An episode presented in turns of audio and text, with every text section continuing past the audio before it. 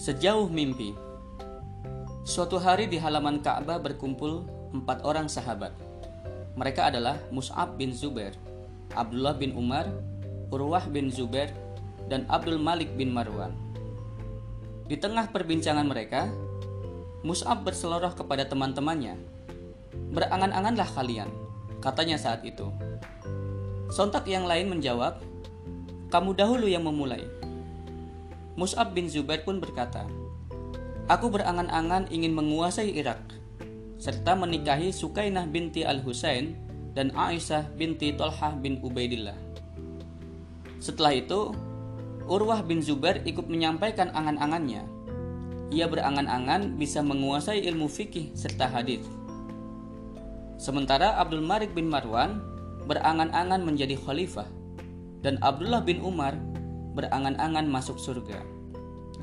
Saudaraku, mimpi dan angan-angan adalah hak semua insan.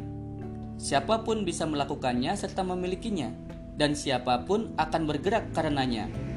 Sebab hidup perlu bergerak, dan gerak perlu tujuan.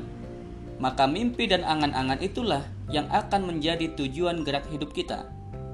Seperti empat sahabat tadi, mereka punya mimpi dan angan-angannya masing-masing Lalu mereka bergerak untuk menuju mimpi dan angan-angannya masing-masing.